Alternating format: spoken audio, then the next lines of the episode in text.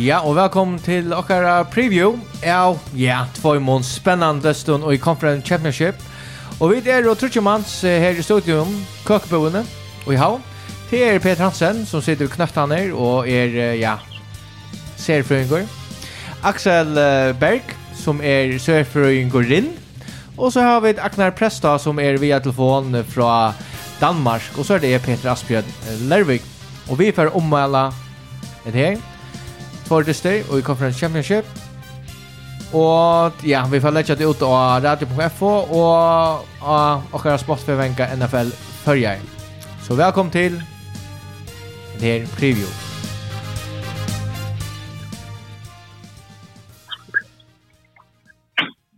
Og Axel vi, nei, Aknar vi, han, jeg vet ikke hva han gjør.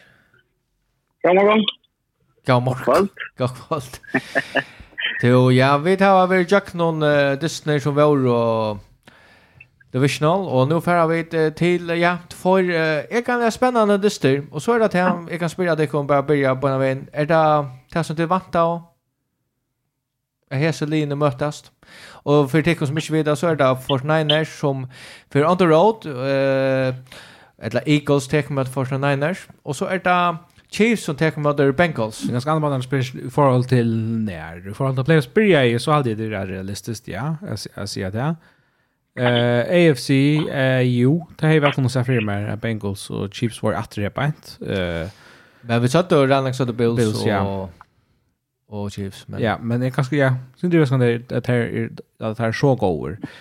Eagles så nok han ikke kom at han skulle være så størst i år, og for Niners, eners, det kunne man være seg fyrir men ta i Brock Purdy tog iver, så hei jeg ikke tro til nei. Han får være seg Men byrja kaffensen hei du for Niners til å si ja, men tar kunne komme så lenge som du har Nei, jeg snakker at man vet av overraskende i fjøra, der kom så lengt vi, vi ikke bedre quarterback-play enn der høytet vi Jim Garoppolo, og vi stod jo stadig på sporentetjen om hva det er nå vi trailhandsa, altså, Och så är alltså så så ju är inte Raskar ju och där ser ut att det finns stab ordla stabilitet av quarterback position och så en här så kommer så är det ju överraskande. Alltså där players var gång så och CMC kom till för Niners jobb just nu. Och en Highland då. Peter är så överraskar någon som någon eller är så Belga som Nej, inte inte alls nej ja. Kanske är överraskar att Eagles är så goda som de faktiskt är då nu. Eh, det kan så lite som överraskande men annars nej ikke ordentlig, ja, men hvis jeg er spørst med Sørstvik og hvor kommer standa og jeg spør dysten noen, så skal jeg ikke si at jeg har gitt rett til at jeg har øyeligere egentlig å tippe dysten her uh, i divisional round. Og Aknar, er så uh, i raskare noen slid noen? Eller er så i kanskje at noen andre skjer i mån til, til linjen som er då? Ja, sånn det som Arne en kappninger blir så kontant på en kallet som kanskje ikke kunne være men uh, jag hade mot å si så er det at det var så att det var truly som som man sa som det starkaste eh på den Chiefs Bengals build så var slunning korrekt. Rätt kort i playoffs så här kommer så rörelse i Bengals ser det här som är klart now jag säger så så snö och build så så like oss ut så det har skriva så kan att han det skapar ett Bengals så när på fall. Ja, men så jag har alltid tagit sig ska slina. Eh den där Niners till best form vi går through that's our best in I see. I see Jackson Dara. Ehm men mot han kan inte så så så är man kanske så nätt där så något annorlunda men men jag alltid att jag heter Lord Day eh alltså att som heter det som vi så runt som vi lackar ha så var det ett Heslin kan man säga eh väl bättre än en linjen i disken så som Cowboys har det sälja här här i rummet bland chans något för Niners men Ja, jag har alltid att jag tror jag är starkt liv. Jag har man på det synd det bättre det stämmer än det första. Det är sånt syns kvar att det är så kvartetten i disken. Ja, og hvis vi er ferdig over til uh, første dist, og det er distren som begynner av Lincoln Field, eller uh, tøytur Lincoln Financial Field ja. for jag holdt uh, några aktörer. Han er kom åtta, og det er Philadelphia Eagles eller 49ers og Eagles. Og ja, Skulle bara blacka button off. Spännande dyster, ja. Det är ju topp två sidan i NFC som mötas. Så, så jag som hon säger, så helt i raskan kan man inte vara i VTA. Uh, men jag har alltid det är ett otroligt fascinerande match-up. Det heter inte på samma måte, så vi skulle kalla AFC-finalerna för två liv som kanske är sint mer eh moderna i NFL traditionell eller så är i förhållande kan man man, man vantar NFL i det high flying all up som kör då alltså eh så show så så är det så linje jag har sin övervis spel då. Och det hade ju öliga fascinerande. Det är tvär öliga starka värjer och det är två li som har ett fantastiskt run game och som har några quarterback som har visst visst att här kunna ordentligt att han tar i eisen för för att, att leverera några största. Ska ta som 49ers först. Jag halter att 49ers är favoritter till den och i min nerver. Bookmakers har Eagles till favoritter och till till där hemmabanan. Eh, eller lite favoritter, men eh, jag halter inte kan minnas att Lee som har haft alltså en pro bowl level running back, tight end och wide receiver. Alltså Debo, Kittle och McCaffrey. Det är rävliga största spelare. Och så har du Eisen Brandon Ayuk som jag alltid är en god wide receiver. Och alltså det här är det puraste stacked av skill position spelare, positionen i alla uppnån. Och det är faktiskt så att hur Kittle ordentligt är kommit till sitt åter. Att han har ganska, alltså, han har ett rakt stöj som, som har varit för några år sedan att det har kommit Super Bowl. Han spelar väl. Debo sagt ni en av så att som han vi så i fjøra. Men han har ju nästan skatter och han har haft han har också play her i i motor Seahawks så det är helt långt väck på enda. Det som är en Leachel. tja, tja, tja, time on the cha for Niners vi gosse klarar där att välja Brock Purdy och ästne McCaffrey att att ge honom run plus la renna så den där linjen till Eagles är absolutt giftig, og hon og leie disten jo til Giants, fullstendig henne, som vi, som vi tar oss om, klarer å gjøre det samme mot Fort Niners. Ja, alltså det är två öla Jonli som mötas alltså du och i öllon så stickon så så här då vis är rapst upp eh så plash bollen var Jarl Peter eller Agnar. Fort Niners tar det och har har det fem bästa offense i år. Eagles är det näst bästa offense i tølum. Defense, så er Fort Niners det näst bästa defense i løtene. Men uh, Eagles kommer av tre, og tre av blåse. Uh, passing, så er, uh, og det kan også til at du har Brock Purdy og du har haft uh, utskiftningar, men tar er nummer 13, men Eagles er av nødgjende plåse, og så er det rushing er av uh, Fort Niners er av kjenta, men Eagles er av 15. Så det er tvei øyne jøvnlig, egentlig, som møtes, tar det er Alltså det det är ju vi svär till nästa det så är så sticker Sindre över i här men tackar han här eh Peter Katte så så för där. Ja, att det är en inga spårning. Jag hugger som att är nu så igen vid vita matchup så gossen då ska gosse ska man prata med Slien till att det är det bara verkligen.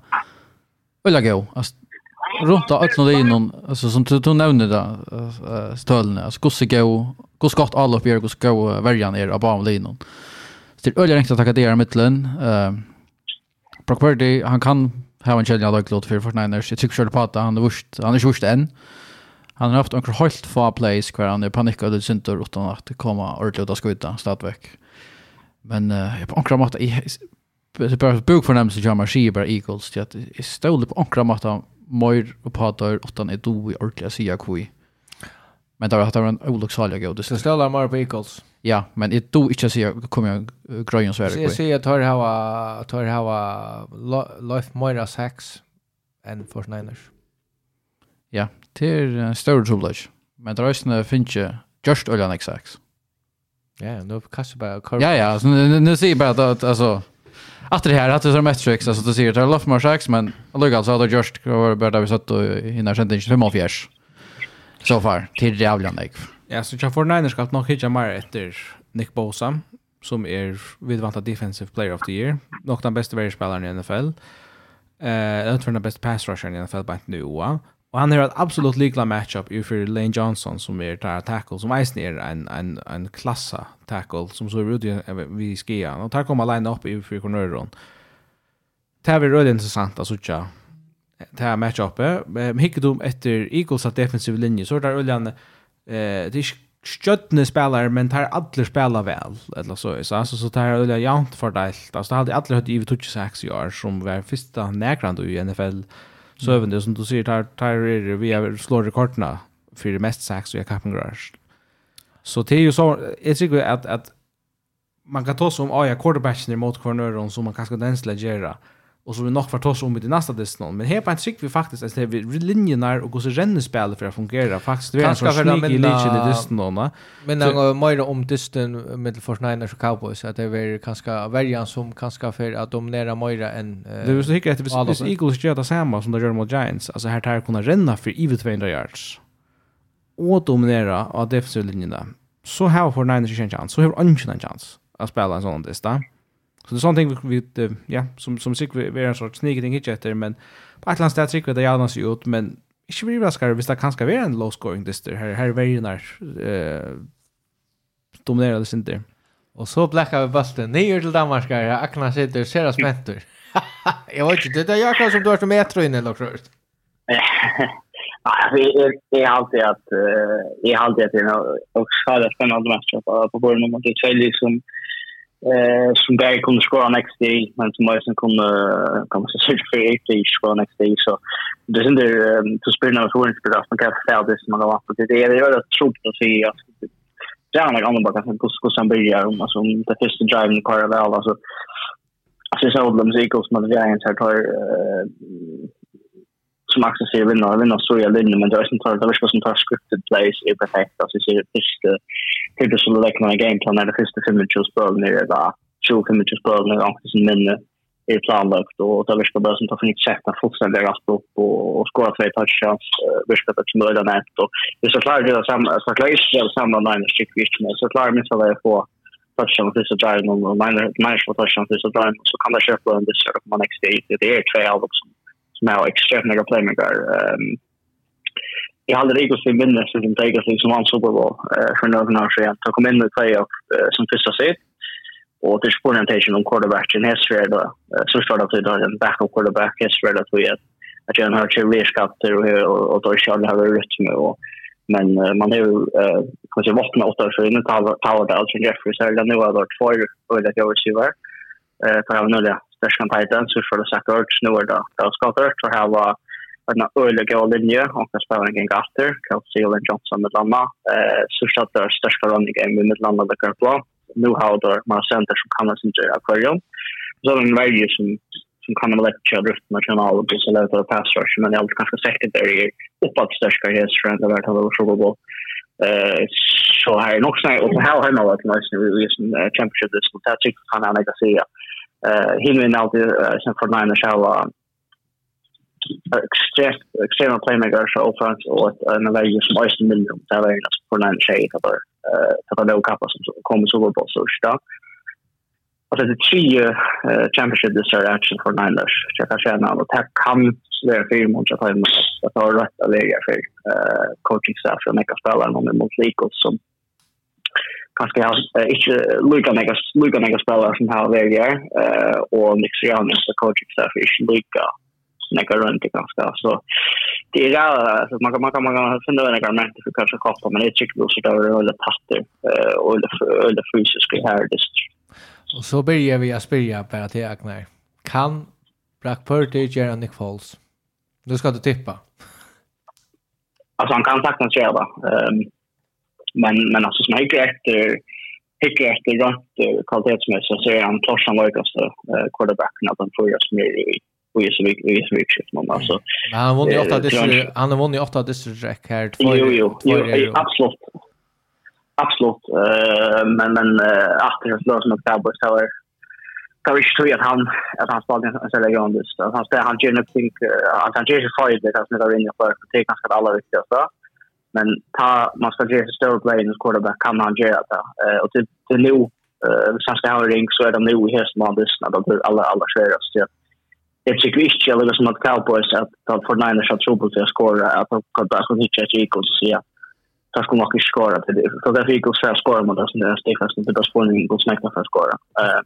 Men så är det spåren grejen när skora då nog till att vinna i möte för. Ja, ja, det det är det. Alltså, som sagt, det är ett sexstadig på förra människor gröda. Vi ska spela det som lite klart som det här eh på första men men är är alltså är här vi att koppar det Eagles. Det är synd det mot hemmavallen och det är extrem koncentration som då så att spela så att det är inte en annan spelar väl. Eh spela på det så men men det är det är också Eagles allihopa som gör det att det har att koppar det. Det är ganska vant att att det skulle vara ett uppsätt så det kan skulle vara en med Giants Eagles med det här. Det är Eagles fick break att det var de gått på det här att Giants skulle komma in när Giants går ut. Så för Niners hade kanske jag hade faktiskt kanske för Niners här var samla sig det bästa lie Gustav som heter något snäck på show men jag tycker att Luka att ha så så på så då är det så där i Kalifornien så är ganska tippa för Niners men är visst skulle tippa nu så så är det Eagles men Ja, vi av väl nu, ja. Okej. Eagles uh, sier uh, Arnar, og så blakka bassen til Petter. Ja, jeg sier Øystene Eagles. Okej, ja, stort och grejt. Ja, jag helt Ja, jag helt det skulle vara stort och grejt. Ja, det kan det vara. Ja, det helt det skulle vara. Ja. Och man hade ju sin dramatik ut. Ja, ja. Man har grund och sånt där. Alltså Eagles har så inte mött en lie av hela styrkan i år. och alltså där har ju haft ett ett lat schedule och jo jag vill kritisera för dem men men men jag har stadigt att att där har där visste stora styrka vi mot alltså mot Giants sista veckan som gör man absolut ska ta det allvarligt. Men i allt det helst du ska glömma att är Niners har vunnit 12 distrar. Ja. Yes. Det är ju rättliga vilt och ja nej det ska man visst inte för små hur hur så heter hur skor där är det. Och typ så samma mål kom lätt i handa näst hur är det näst Nick Foles kanske Brock Purdy sneak i det nästa Kurt Warner eller Tom Brady så var ja som som är relevant. Han bästa. Som tar över för ett franchise uh, nu i till nästa år nu. Och det är, och om man så hinner vi, det är inte åtta kvar franchise han, han är quarterback tja. Han är quarterback tja San Francisco 49ers som är några stolta så. Det är inte, det är inte, det är, ja ja, du vet då. Jag håller till American at, Dream. Att intill att Brock Purdy mot prekar ju för mer han inte är han som han inte vill ha visst att han är. inte vill han visst att han är han med så vinner så han. Så sier jeg at her vinner, uh, ja, så er det her det beste livet i NFL. Og det er for at her vinner, og jeg, jeg har alltid her burde vi favoritter. Jeg har alltid det sin skreft at linjen skal hette Eagles minst 2,5. Så jeg, jeg har alltid for Niners er det bedre livet, og jeg vant at her for mot Eagles. Ja, og Men vi skjer akkurat så vant at han dist. Jeg skal gjøre kjøtt av, og jeg sier til Force Niners, jeg, jeg har aldri øyne er samtur ved Axel, til det med oss prekva. Så... So, Det Jan Lager, två tippa Eagles och två tippa 49ers till tann ja, Super Bowl. Vinnaren kommer til Super Bowl som er og vi börjar berre reklamera på den 12 februar klokkan halvgon 12. Snakk om halvgon 12. Så er Tanassa Dystren. Han er halvgon 12. Og han er av Gea. Han er av Arrowhead Stadium. Og, og det er Bengals som er on the road again. Eh, uh, mot Kansas uh, Chiefs, eller Kansas City Chiefs, så tackar det Eh, og vet, uh, jag kan så se vi tycker att Bengals tar hava fimt bästa offense, spelar mot besta offense, tar hava kjent bästa defense, spelar mot det besta defense, tar hava kjent bästa passing, spelar mot besta passing, Tor och Rushing är Lena faktiskt uh, lugga vanlig kan kunde man sagt har han inte 20 tar och medan Chiefs är nummer 20. Eh kanske överraskande statistiker.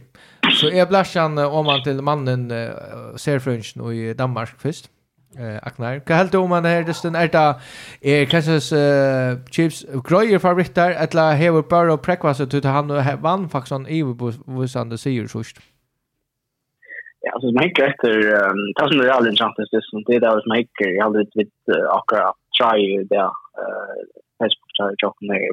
Som jag har jag sände jag snackade det med det jag tar rätt lag och koppar ut till koppar ut till snälla Bengals? Så så sabba när jag bort med garn i USA och det är nog så vanligt att att ha rätt lag och koppar så så följer veckorna fra Chiefs eller fra en del lite och Det som jag har ju också en dröm att det som ser från Garcia och så det dröms NFL.com att uh, ta som Jera ser officiella power rankings tar alla Kansas City Chiefs som var fyra av de fyra lagen som är i championship. Uh, uh, och det är reellt intressant att Kansas City Chiefs knappt jag vill mest som att vara underdog, uh, underdog i uh, AFC-finalen hemma och det är att ta kanske det var ju är av de fyra som är efter. Uh, och det är grunden till det är när jag ser på att det är OS om hur så klarar på sig med ser och jag tycker att nu, nu har det som sagt att vi snackar om att vi tar vi tjökna med att det är så generiskt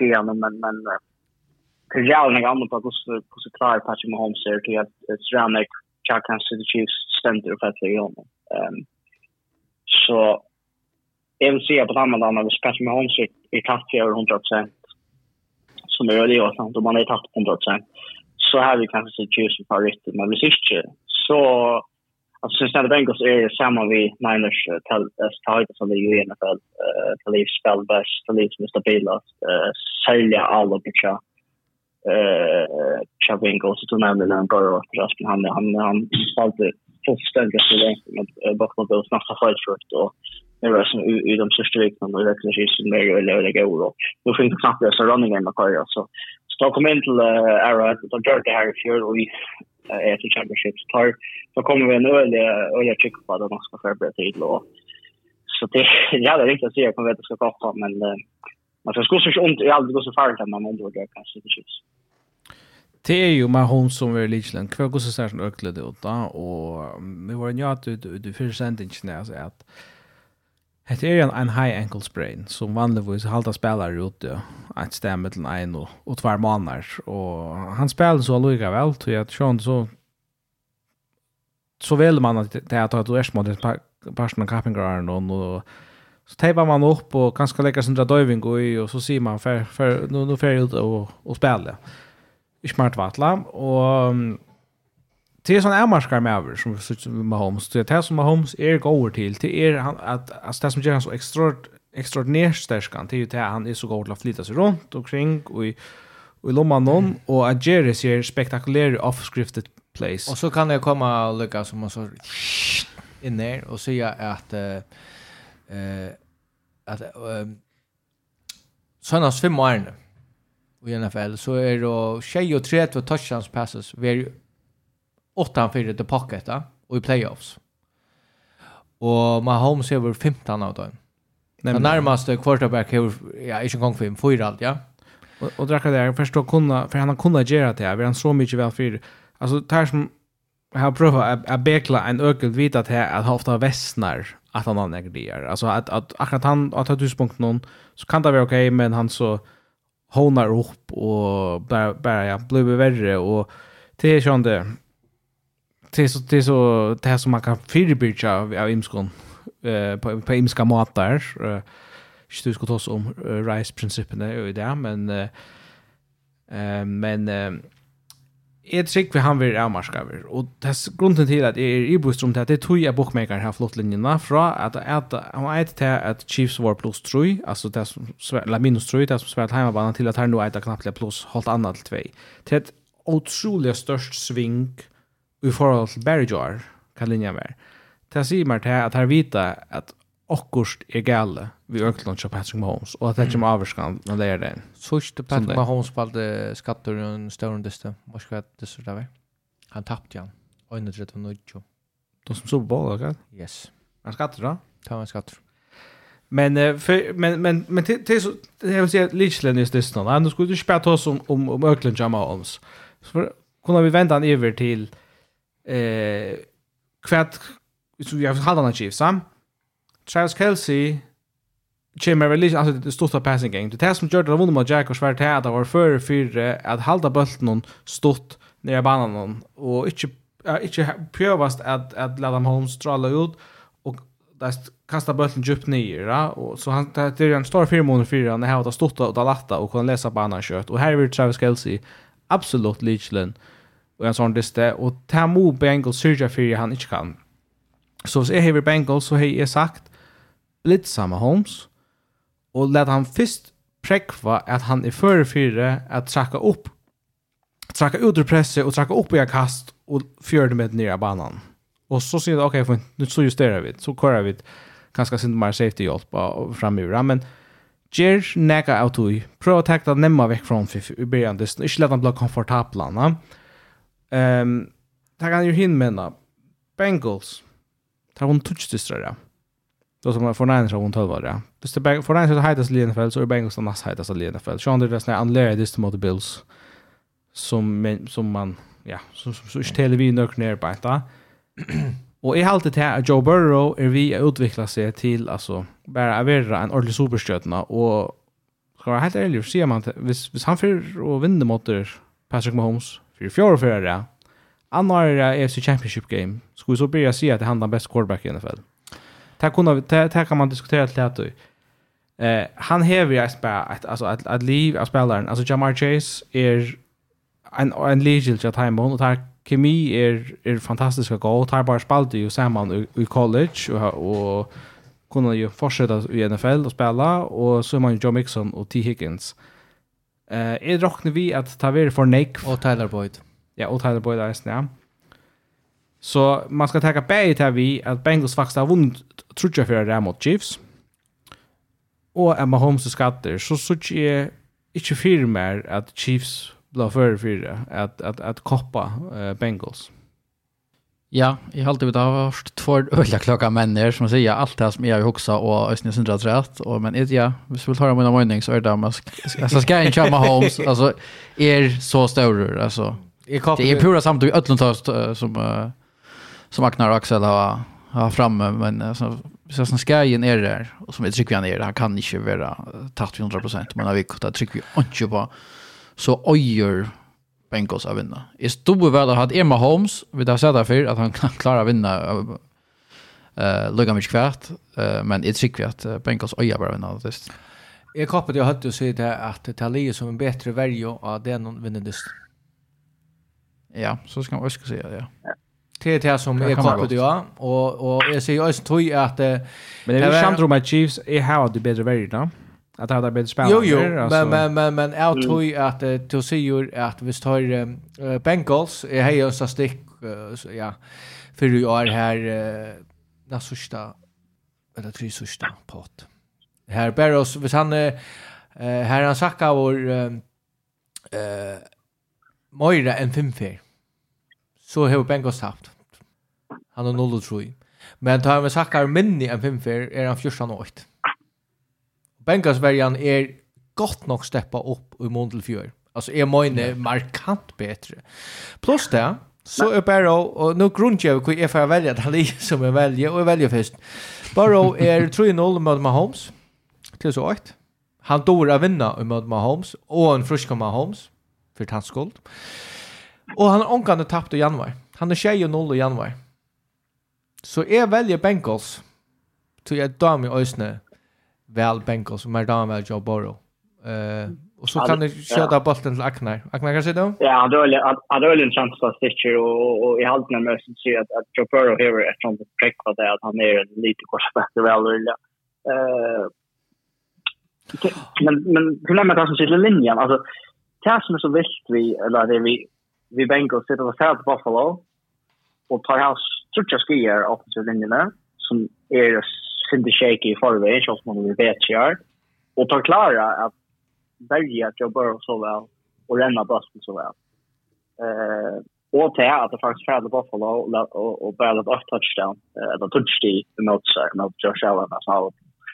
Eh det är öliga näck störst ut precision som tar tacka vissa och det kanske att att har Hallis sin det chip on the shoulder att komma in the playoffs så tar ändå faktiskt en trea sig det inte ta få faktiskt målen blå annars ute och så det alltså att fjärs om det ska vara eh coin flip och ja och så så skulle Bills och Chiefs spela championship uh, neutral ground och så var det uh, första Disney Atlanta vi startade Bills samman och så var det första select så där för hur det för hur också alltså jag tar det prick för och att jag inte vinner Super Bowl i år hade faktiskt är shot jag hade faktiskt att har spelat Disney nästan så väl att kunde vinna i fjärde Super Bowl. Eh men men att alltså till och med syns att och att Aspang att det här vi går största Bengals är just access sitter vapnen det är att att Burrow har störst kvar vapen ofta så inne att han har Jamar Chase han har T. Higgins och han har Tyler Boyd.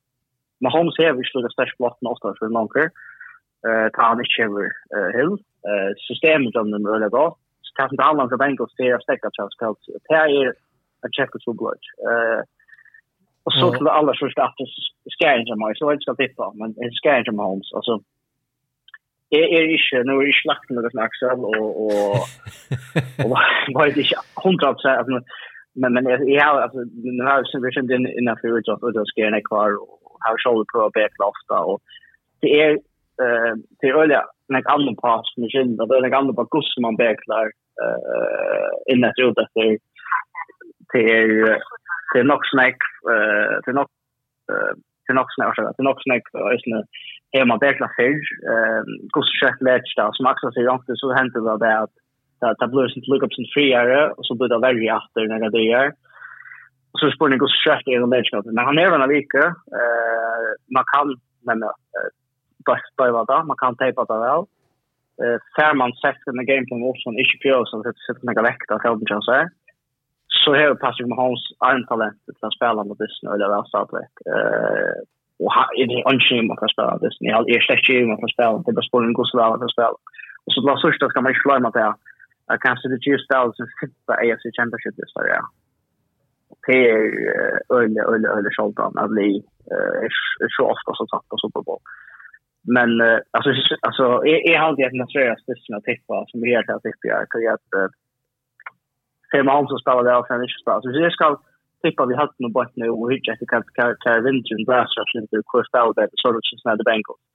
Men kanske det kör så här att lägga en this uh, AFC championship this det här är synd under knappt under typ på eh här har Fox här också hemma för för så far jag ser kanske det Chiefs eh men det är väl det ganska mot det kraft i för något se Men så Chiefs ska tippa. Du säger Chiefs. Ja, jag tycker så mycket på på på på i utöver Ja. Och så får vi ett Chiefs och jag säger Bengals och så Jag säger Bengals. Säger du Bengals? Ja. Och jag säger Aston Bengals. Uh. Ja. Offroad. Okay. Det var spännande. Ja, men annars har Bengals aldrig tappat en offroad. För ta det över ett offroad on the road. Det skulle gå så säkert till alltid. Men vi får tacka för och så er spurningen tar vi møtes Aftur, hver er kom i Super Bowl-finalen. Er det, ja, det er tve li som uh, spiller, vi satt og Bengals og Chiefs til fjordføren å møtes innenfor i 8 år. Eller er det en Brock Purdy som får agere til her og møvliga, tog han ver den første Rocky vinn, hvis han vinner som kommer i Super Bowl. Spennende verur, men vi møtes aftur til Hesebøy, det er jo spalter. Takk for det.